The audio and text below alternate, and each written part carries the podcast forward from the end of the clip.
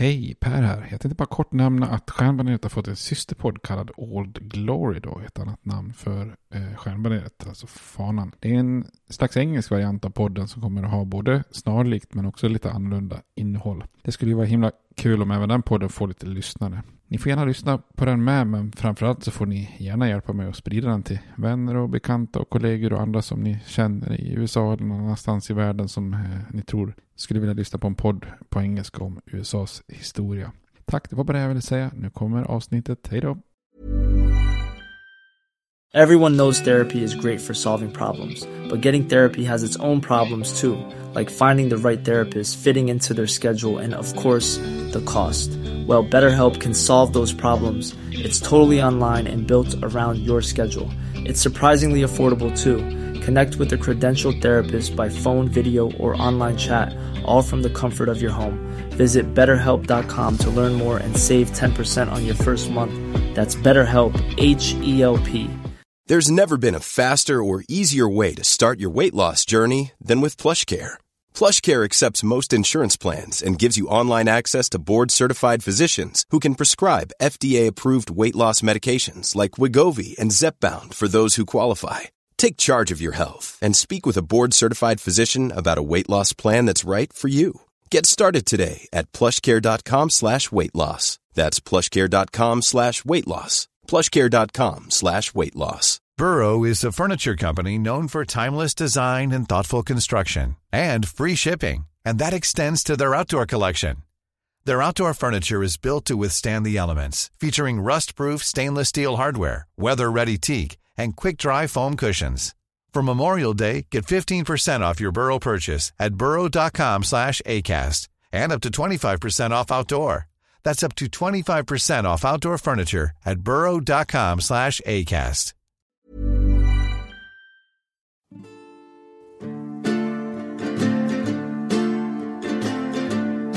We hold these truths to be self-evident, that all men are created equal, that they are endowed by their Creator with certain unalienable rights, that among these are life, liberty, and the pursuit of happiness.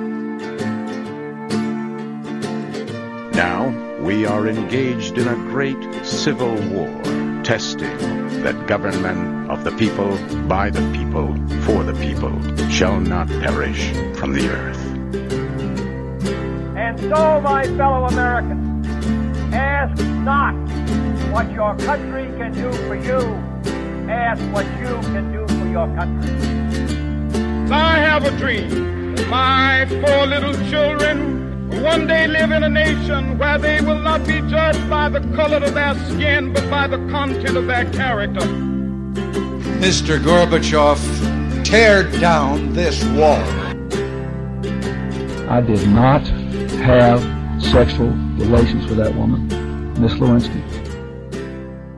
Välkomna till Stjärnbaneret, en podcast om USAs historia med mig Per Fjärdingby. Där vi rusar vidare i eh, översiktsserien och eh, pratar eh, lite ytterligare om åren med Kennedy. Och eh, det här blir sista avsnittet. Vi ska kolla lite grann på medborgarrättsrörelsen och, eh, och också då de fatala skotten i eh, och mordet på JFK i Dallas. Och där tar ju Kennedys era, i alla fall vad gäller John F Kennedys era slut då. Och vi har ju pratat lite grann om både inrikes och utrikespolitik och eh, som sagt idag så syr vi ihop säcken för de här första åren på, på 60-talet.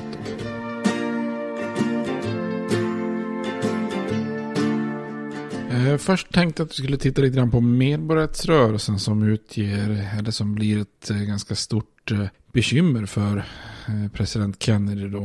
Eh, det är ju precis när Kennedy tar över som president som medborgarrättsrörelsen på alla plan egentligen eskalerar och exploderar och går in i sin mest intensiva fas här under första halvan av 1960-talet. Då. Medborgarrättsrörelsen skulle skapa väldigt mycket problem för egentligen både för president John F Kennedy men också hans bror Robert Kennedy eftersom väldigt många frågor hamnar på just hans bord eftersom han är justitieminister då. och eh, man kan väl lugnt påstå att deras facit i de här frågorna är av eh, ytterst blandad karaktär då. Robert Kennedy han erkänner ju efteråt att när eh, bröderna kom till Vita huset så var de relativt oförberedda på, på den här så kallade rasfrågan då. Och det är ju kanske inte, om man säger på något sätt, eh, särskilt underligt. Alltså här har vi alltså två snorrika vita överklasskillar som är uppväxta i societeten i Massachusetts i nordöstra USA då. Och deras inblick i eh, fattiga afroamerikaners liv och hur det fungerar i, i södern var ju såklart eh, extremt eh, begränsad.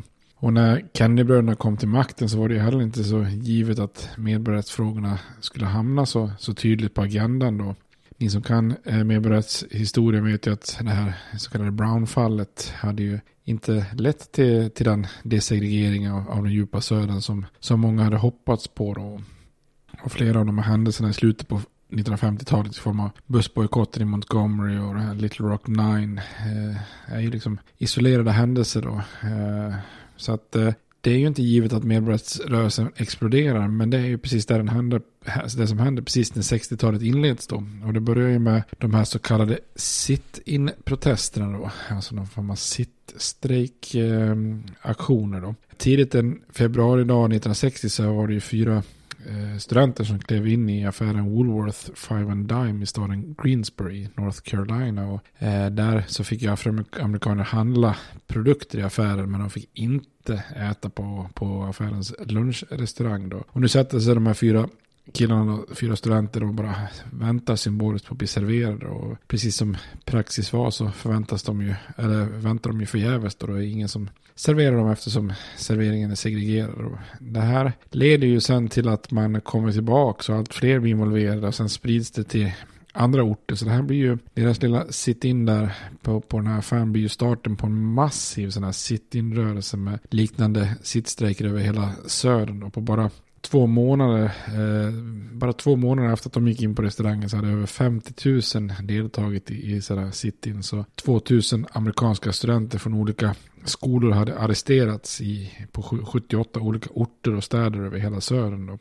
Och de här protesterna fick ju också uppmärksamhet eftersom det var de första medborgarrättsliga protesterna som också följs av tv. Och att, att, se rörliga bilder på protesterna var ju någonting helt annat än, än att läsa om det. Då. Kontrasten mellan de här välklädda och till synes lugna afroamerikanska studenterna som trakasseras och häcklas av hatiska vita arbetarklassmän som skrek svordomar och slogs och häller mat på deras huvud och så vidare. Stick, bränner de med cigaretter och sånt där. Det skapar ju en bild där många i övriga landet känner en enorm stor sympati för de svarta studenterna snarare än, än befolkningen i, i, södern. Då. Eh, alltså den vita befolkningen. Eh, de här sit-in-kampanjerna banar ju också vägen för, för, för fler former av protester. I maj så börjar den här organisationen CORE eh, genomföra sina så kallade freedom rides. Tanken var ju att resa dem med bussar genom södern i protest mot segregeringen inom transportsektorn. De här grupperna som skulle genomföra de här resorna var ju integrerade sällskap, både vita och svarta aktivister. De skulle agera integrerat och när man stannade på stationer så skulle man tillsammans sitta i väntrum och nyttja faciliteter som om de vore integrerade. Det skulle liksom bli ett test för att se om justitiedepartementet under Robert Kennedy var villiga att skydda afroamerikanska rättigheter inom transportsektorn mellan delstater. I maj 1962 så reste två grupper iväg ombord på två olika bussar och ju längre bussarna kom ner i, i södern desto våldsammare blev bemötandet. I South Carolina blev till exempel John Lewis brutalt misshandlad av lokalbefolkningen vid ett stopp. Då. Och polisen finns ju på plats men de gjorde sig snarare till åskådare och stoppar ju inte misshandeln. Då. Men ännu värre blir det då. Janiston i Alabama så stoppas ju en av bussarna av en vit mobb på runt 40 personer med påkar och metallrör. Och bussens hjul skärs sönder och så kastar man en brandbomb på bussen så den börjar brinna. Och när aktivisterna flyr ut ur lågorna så blir de misshandlade. Och hade inte en civilklädd polis funnits, befunnit sig med på den här bussen då och riktat sin pistol mot mobben så hade säkert någon blivit lynchad eller att någon hade tyvärr brunnit inne i bussen då. Det går inte så mycket bättre för den andra bussen då. När den anlände till, till staden Birmingham så väntade en grupp klansmän då från Ku Klux Klan på bussen då. Eh, och aktivisterna misshandlas rejält då. Stadens så kallade säkerhetsansvarige, Eugene Bull Connor hade ju ingått en uppgörelse helt enkelt med klanen om att de skulle få 15 minuters fritt spelrum eh, innan han skulle ingripa då så att säga. Och de här freedom, freedom rights blev ju ett extremt pinsamt eh, inslag då. Eh, tydligt för övriga världen hur långt vita i södern var villiga att gå för att bevara segregeringen då. Eh, och bilder på misshandlade aktivister och brinnande bussar kablas ut liksom över tv världen över och ser ju mer ut som ett krig än en, och en terroraktion än, än någonting annat då. Och det här sker liksom på hemmaplan i USA. FBI hade ju också koll på de här Freedom Rides och planerna i den här djupa södern att stoppa bussarna med våld. Men Eh, direktören där, J. Edgar Hoover, han är ju en tvättäkta rasist som aldrig någonsin meddelade det här till justitiedepartementet eller Robert Kennedy för, eh, trots att han vet vad som är på väg att ske. Då. Och de här Freedom Rides, kanske mer än de här sittins, blir ett väldigt stort bekymmer för den nyvalda president Kennedy och hans bror justitieministern Robert Kennedy. Då. Kennedy hamnar kan man säga ett politiskt dilemma då. Han hade ju afroamerikanska väljare att tacka för sin seger i presidentvalet. Ni kommer ihåg han gjorde ett samtal till Martin Luther Kings fru bland annat som, som säkert tippade över en hel del afroamerikanska röster. Och Samtidigt så stod han ju också i stor politisk skuld till många vita politiker i södern då. Utan deras stöd så hade Kennedy inte kunnat vunnit södern. Och presidenten behövde deras fortsatta stöd för att kunna driva igenom lagar i kongressen då. Så Kennedy försöker balansera den här lite kniviga situationen då. Han behövde stötta medborgerliga, medborgerliga rättigheter lite grann då samtidigt som han inte stötte sig med södern då. För Kennedy blir också de här tv-bilderna av misshandlade aktivister och arga vita mobbar och brinnande bussar pinsamt som, utifrån utrikespolitiken också. Han känner ju att det blir en stor svaghet att något sånt här händer på sin hemmaplan samtidigt som han själv åkte till Europa och hade möten med Nikita Khrushchev och, och talar om den fria världen och hur moraliskt rätt eh, USAs modell är jämfört med den kommunistiska. Då. Så att han eh, önskar ju liksom på något vis få ett omedelbart stopp på de här freedom rights. Och företrädare för hans administration kontaktar ju de viktigaste afroamerikanska ledarna och, och, och verkligen ber dem att avsluta det här. Då. Men de här Freedom Rides vägrar göra det ut och aktivister från studentorganisationen SNIC de beslutar sig för att fullfölja den här bussresan från Birmingham till huvudstaden, eh, till delstatshuvudstaden Montgomery, Alabama då, med tolv frivilliga. Och när Kennedy-bröderna inser att de, in, de inte kan, kan övertala dem från att eh, genomföra det här Freedom Riden så vill de ju åtminstone säkerställa att det gick fredligt till och inte skapa några spektakulära och Eh, spektakulär uppmärksamhet och eller några form av hemska tv-bilder. Så Robert Kennedy han övertalade Greyhound-bolaget att köra dem i en buss till Montgomery och sen så får han guvernören John Pattersons löfte om att studenterna inte ska råka ut för våld. Då.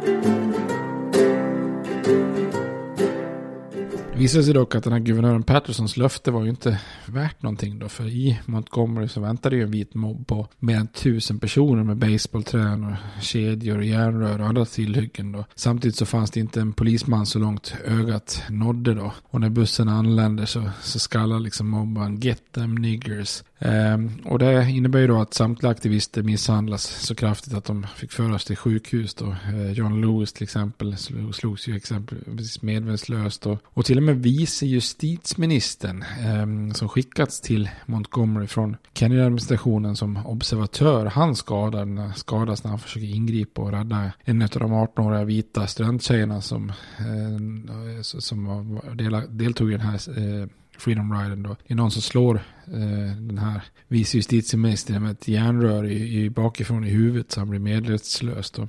Så återigen så kablas bilder på de här misshandlade aktivisterna och brinnande bussar ut på tvn och världen över. Och eh, bröderna Kennedy förstod att det här måste liksom på något vis få ett slut, det här våldet. Och justitieministern Robert Kennedy skickade 400 federala poliser för att skapa lag och ordning då.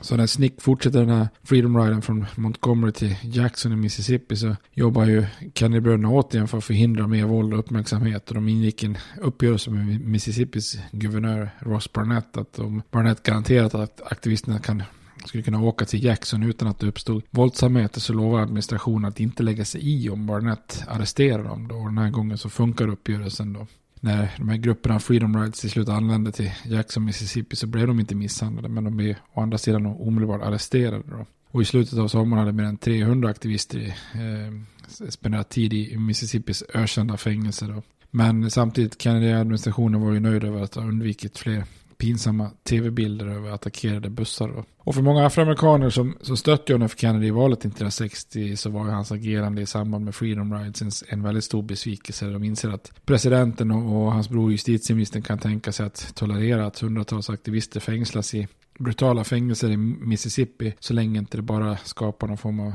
eh, scener eller känsliga tv-bilder som kunde ta fokus från Kennedy-administrationens övriga politik och internationella eh, engagemang då så att säga.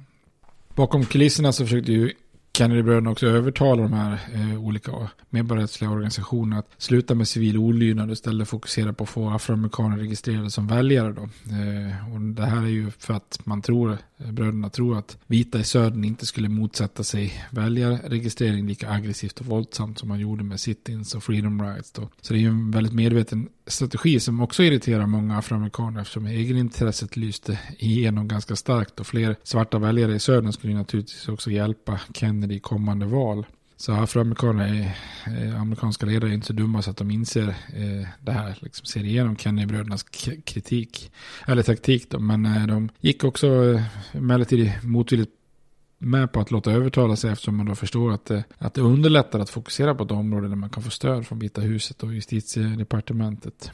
Kennedys strategi går ju dock i, eh, i baklås kan man säga. För erfarenheten av, av våld och motstånd i Mississippi skulle ju få de här mot väljarregistrering skulle ju också få de här aktivisterna i snick att snarare gå i andra riktningar och börja överge den här icke-våldsprincipen och anamma en mer svart nationalistisk inriktning som inte förespråkar integrering. Så här, här, här, går ju planen lite grann i, i baklås då. Men eh, Kennedy-administrationen skulle totalt sett ha ett, ett väldigt blandat facit när det gäller medborgarrättsliga rättigheter för, eh, för afroamerikaner. Då. Utifrån förväntningarna 1960 var det många svarta väljare miss, missnöjda och besvikna över hans presidentskap. Och eh, Martin Luther King anklagade eh, Kennedy för att bara genomföra vissa symboliska åtgärder istället för att gripa tag i pudens kärna och, och jobba för verkliga framsteg när det gäller medborgarrättigheter.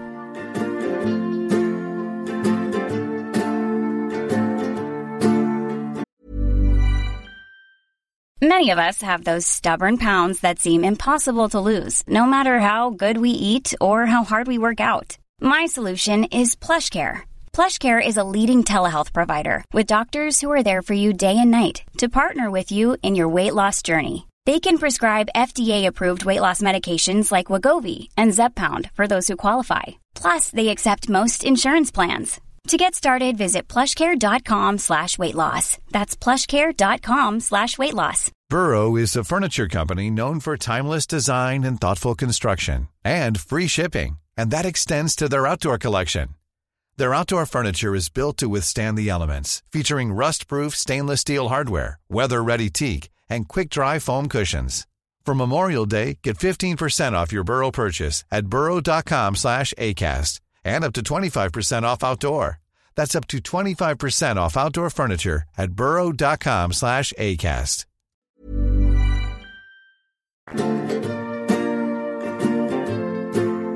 Eh, Martin Luther King och hans eh, SCLC-organisation, eh, de är ju också i farten de här åren. De valde 1963 då, som är ju symboliskt nog 100-årsjubileet för Abraham Lincolns emancipationsproklamation. Då väljer man ut staden Birmingham i norra Alabama för en ny aktion då. Och den här staden hade ju det tveksamma ryktet om att vara landets mest segregerade och våldsamma och rasistiska staden i hela USA då. Afroamerikaner i stan var ju vana att utsättas för polisbrutalitet och diskriminering i nästan alla aspekter av livet. Då. Eh, klanen terroriserade konstant svarta och under, året hade det genomfört, eller under åren hade det genomfört så många bombdåd mot afroamerikanska hem och kyrkor i, i staden att den fått eh, smeknamnet Bombingham. Så kunde medborgarrörelsen knäcka Birmingham så kunde man liksom knäcka hela södern tänker man då.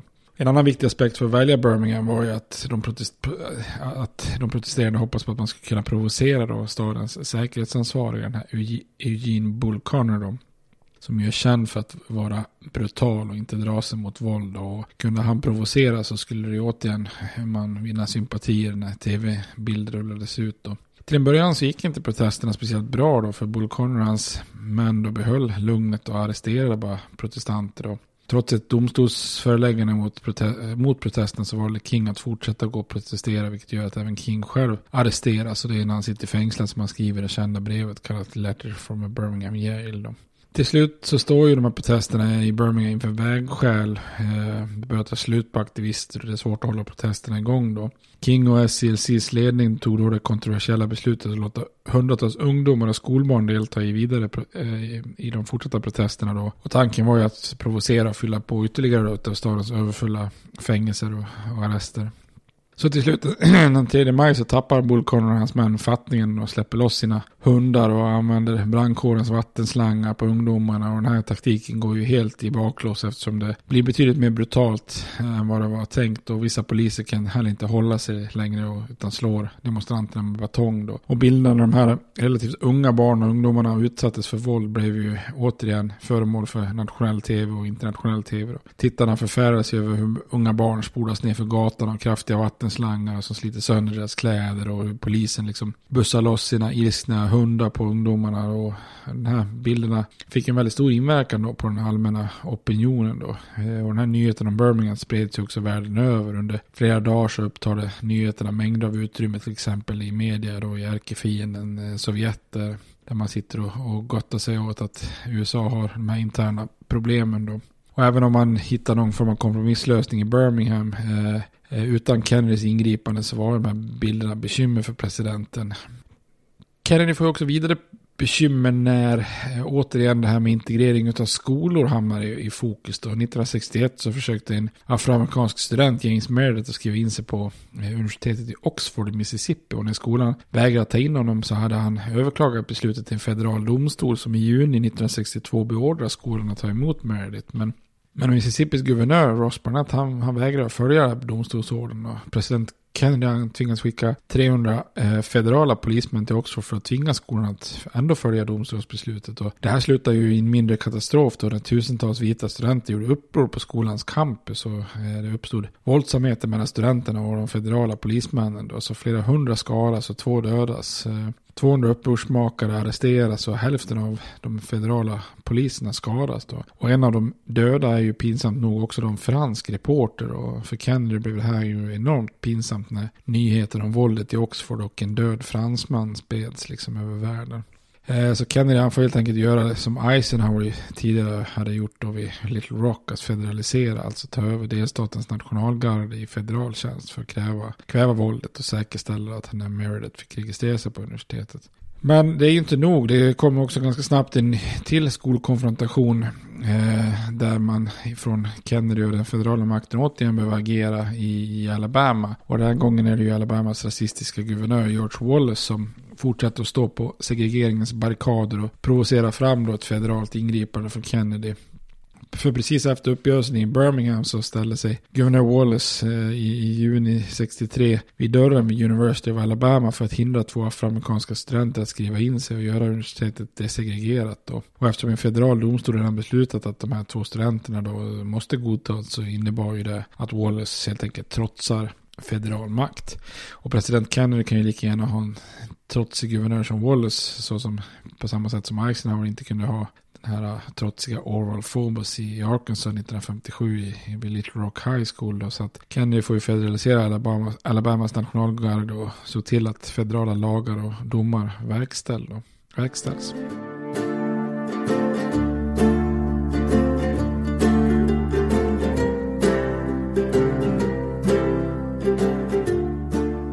Alla de här eh, medborgarrättsrörliga protesterna då, sittings, freedom rides, eh, Birmingham, den här skolsegregeringen och andra och protester började till slut eh, påverka president Kennedy. Han förstod att fler kriser med största sannolikhet skulle inträffa om någonting inte görs då för afroamerikanska rättigheter. Och den här explosionen av demonstrationer som svepte över södern efter Birmingham gjorde ju att förändringarna verkar liksom ofrånkomliga och presidenten pressas att, att agera då. Eh, så Kennedy han väljer att se över sin strategi för medborgerliga rättigheter. Han hade ju liksom försökt att ge medborgarrättsrörelsen lite visst gehör men aldrig så mycket att han liksom tappade stödet från de här viktiga demokraterna i södern som dominerar i många av kongressens utskott och så vidare. Då. Men vi såg ju i avsnittet om eh, inrikespolitik tidigare att en konservativ majoritet i kongressen eller ett konservativt samarbete mellan eh, demokrater i södern och, och, och republikaner eh, stoppat väldigt mycket av Kennedys tänkta inrikespolitik då. Och när man kommer fram till 1963 så hade ju Kennedy kommit till insikt om att Söderns demokrater eh, blockerat så mycket delar av hans politik och reformer att han inte liksom egentligen, eh, trots att han inte hade tagit ett tydligt ställningstagande för afroamerikaner. Eh, så de här demonstrationerna i söder var också en pinsamhet som påverkar utrikespolitiken. Så nu är han liksom lite grann beredd att eh, bryta med dem för att överge den tidigare balansgången. Eftersom han ändå inte får igenom några reformer så behöver han inte egentligen på samma sätt ta hänsyn till de här demokraterna i, i södern längre. Då. Många av de här interna rådgivarna i administrationen avrådde presidenten att omvärdera synen på medborgerliga, rätt, rätt, medborgerliga rättigheter. Men eh, JFK han litar ju mest på sin bror Robert som uppmanar honom att faktiskt göra någonting åt det hela. Då. Och tillsammans så kom de fram till att det var bättre eh, att frågan om medborgerliga rättigheter avgjordes inom politiken i kongressen än genom demonstrationer på gatorna. Då. Så på kvällen den 11 juni 1963, egentligen bara timmar efter att han tagit över nationalgardet från guvernör Wallace i Alabama, så håller ju Kennedy ett känt tal till eh, nationen då som är tv-sänt. Och budskapet var ju väldigt tydligt. Och landet hade ju plågats av rasfrågan, en moralisk fråga som gjorde landet disharmoniskt som han uttryckte det. Men vars svar eh, var tydliga eh, enligt eh, Kennedy själv både i, i Bibeln och konstitutionen. Och Kennedy säger bland annat så här, We face a moral crisis as a country and a people. I can, it cannot be met by repressive police action. It cannot be left to increase demonstrations in the street. It's time to act in Congress, in your state, in local legislative body and above all in our daily lives. Eh, så att här, här eh, och han uttrycker också en stor oro över hur rasfrågan på hemmaplan påverkar landets utrikespolitik och, så vidare. Eh, så nu placerar ju Kennedy-administrationen all sin tyngd bakom en, en långtgående medborgarrättslagstiftning som skulle leda till den här så kallade Civil Rights Act 1964. Då. Ett förslag som gick längre än, än många av de tidigare lagstiftningarna. Eh, och för att eh, Eh, öka trycket på kongressen och driva igenom den här medborgarrättslagstiftningen så är det ju också därför som den här så kallade marschen mot eh, Washington genomförs i augusti 1963 när, när eh, tanken är då att börja pressa Kennedy att agera då liksom. Det är ju den här kända marschen när Martin Luther King håller sitt kända I have a dream-tal. Kennedy gillar inte riktigt tanken av en marsch och en demonstration i huvudstaden. Och huvudstaden och försökte ju avstyra den men istället så slöt man ju till slut ett avtal med, med King och de andra ledarna om att marschen fick genomföras men att man inte då skulle kritisera Kennedy-administrationen det Kennedy får ju inte själva vara med när den här lagstiftningen drivs igenom utan själva grovjobbet för att driva igenom medborgarrättslagstiftningen det, det faller istället på uh, hans efterträdare Lyndon B. Johnson och uh, orsaken till det är ju några avgörande skott i, i Dallas på hösten här som vi tänkte vi skulle gå in på.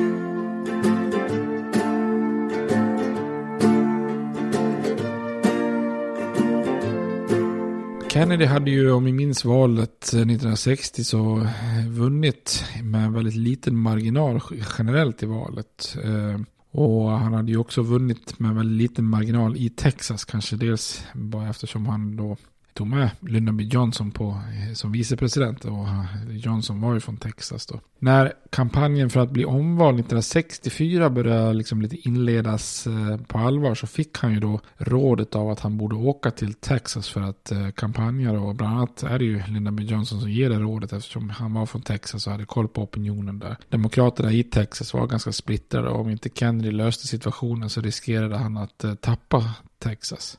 Det fanns ju emellertid de som varnade honom för att åka då. Adlai Stevenson hade bara månaden innan utsatts för ett dåd i just Dallas. Och Kennedy menar att just på grund av att det fanns risker att besöka Dallas så borde han göra det för att inte visa sig rädd och svag då. Så den 21 november 1963 så reste ju Kennedy till, till eh, till staden Dallas då och runt lunchtid dagen därpå så åkte ju Kennedy och hans eh, fru Jackie och Texas guvernör John Connolly med fru i en bilkortege genom staden då. Och jag tror att de flesta av er känner till historien då. Det är några skott som avfyras. Eh, i, i, enligt många lite oklart hur många då. Eh, ett träffar ju presidenten i, i nacken och, och ryggen och skadar även guvernören då som sitter bredvid, eller mitt emot. Eh, ett annat skott träffas ju toppen av huvudet och sliter bort delar av, av hjärnan då. Och Kennedy är så svårt skadad att han eh, dödsförklaras på sjukhuset vid, vid 13-tiden redan då. Och för många amerikaner är ju den här skotten i Dallas något som eh, påverkar dem nästan lika mycket som bombningen av Pearl Harbor. Eh, och i kanske modern tid så är det väl bara 11 september-dåden som det går att jämföras med. Dem. I det kaoset som följde så svors ju vicepresidenten Lyndon B Johnson in som ny president ombord på Air Force One medan det stod parkerat på flygplatsen i Dallas för att föra med sig Kennedys lik tillbaka till Washington DC då. Kennedy placeras ju under en minnesceremoni i huvudstaden i samma kista som Abraham Lincoln eh, legat i 98 år tidigare då. Och en av de här bilderna som etsar sig fast i många amerikaners minne är ju när den tvååriga eh, sonen John Kennedy Jr. på uppmaning av sin mamma gör en liten eh, honör vid pappas kista när den passerade. Eh, den man som arresterats för mordet är ju Lee Harvey Oswald, en 24-årig före detta militär och marxist som under ett år faktiskt bodde i Sovjetunionen och han hade ju redan genomfört ett misslyckat attentat mot en amerikansk general men inte gripit så han hade en kort tid innan Kennedys besök eh, fått jobb på ett skolbokslager varifrån, man, eh, varifrån han kunde skjuta rätt ner mot bilkortegen. Då. Eh, bara två dagar efter att Oswald arresteras så blir ju han i sin tur mördad i samband med en transport mellan fängelser av en nattklubbsägare i Dallas som heter Jack Ruby. Då. Och den här lite underliga händelseutvecklingen och en rad senare motsägelsefulla vittnesmål i kombination med det här enorma intresset och sorgen över presidentmordet gjorde ju att teorier och konspirationsteorier satte fart från första början. Då. För att motverka allt detta tillsatte den nya presidenten Johnson en offentlig kommission för att utreda mordet då, som leddes av högsta domstolens eh, chefsdomare Earl Warren. Eh, året därpå eh, kom den så kallade Warren-kommissionen med sin eh, rapport och enligt dem var ju mordet utfört av en ensam skytt och galning i form av Oswald och inga konspirationer existerade då.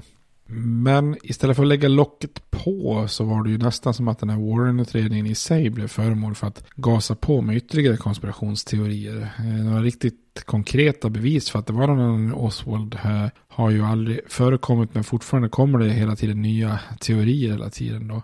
De här teorierna är ju, ja, kan ju vara ganska många olika. Eh, kallt från att det är Sovjetunionen eller Kuba, alltså som stater som ligger bakom mordet. Eller att det till och med var något internt med Secret Service, FBI eller CIA som mördade sin egen president. Eller att det var grupper av ex exilkubaner som var missnöjda. Eller att det var maffian och så vidare. Så att det finns ju Eh, väldigt, många, väldigt, väldigt många teorier kring vad som egentligen hände här då. Eh, 1993 så satte ju CBS, Washington Post och Newsweek samman ett team av reportrar som gick igenom mordet och materialet igen. Och de kom fram till att Warren-kommissionen hade en hel del brister och gjort eh, vissa rätt rejäla misstag. Men att deras slut, eh, alltså slutresultatet eller slutsatserna att det var Oswald själv som hade mördat eh, ändå eh, rimligtvis var, var korrekt då. Men det lär väl aldrig vara locket på eh, någonsin på, på de här konspirationsbitarna då. Så Kennedy, han, om man sammanfattar Kennedys arv så blev ju han vald med väldigt, väldigt stora förhoppningar. Under sina tusen dagar hade han lite svårt att leva upp till dem då. Eh, vilket gör att hans presidentskap kanske delvis liknar lite Barack Obamas eh, i modern tid. Då. på grund av bland annat det här mordet så tenderar ju amerikaner ändå att hylla Kennedy. Men hans eh, facit är ju relativt eh, blekt och hans inrikespolitik var ju, var ju på många sätt misslyckad genom att han inte fick igenom mängder av reformer som han ville. Då. Hans utrikespolitik brukar beskrivas som en aningens mer framgångsrikt men bidrog ju också till att eskalera engagemanget i Vietnam och lämna ett arv av upprustning och kapprustning med Sovjetunionen och han hade ju otroligt svårt att hantera medborgarrättsrörelsens upptrappning och var ju, var ju en besvikelse på det här området även ända tills han svängde i, i elfte timmen då så att säga. Så förväntningarna var högt ställda men han hade lite svårt att, att leva upp till dem då. Eh, skotten i Dallas gör ju emellertid att Lyndon B Johnson tar över och resterande delen av 60-talet kommer ju att bli fartfyllt och spännande men eh, mer om det i kommande avsnitt. Tills dess får ni ha det bra. Hej då! States like these and their terrorist allies constitute an axis of evil. And if the hippies and the yippies and the disruptors of the systems that Washington and Lincoln as presidents brought forth in this country will shut up and work within our free system of government, I will lower my voice. if the impeachment provision in the Constitution of the United States will not reach the offenses charged here, then perhaps that 18th century Constitution should be abandoned to a 20th century paper shredder. Therefore, I shall resign the presidency effective at noon tomorrow.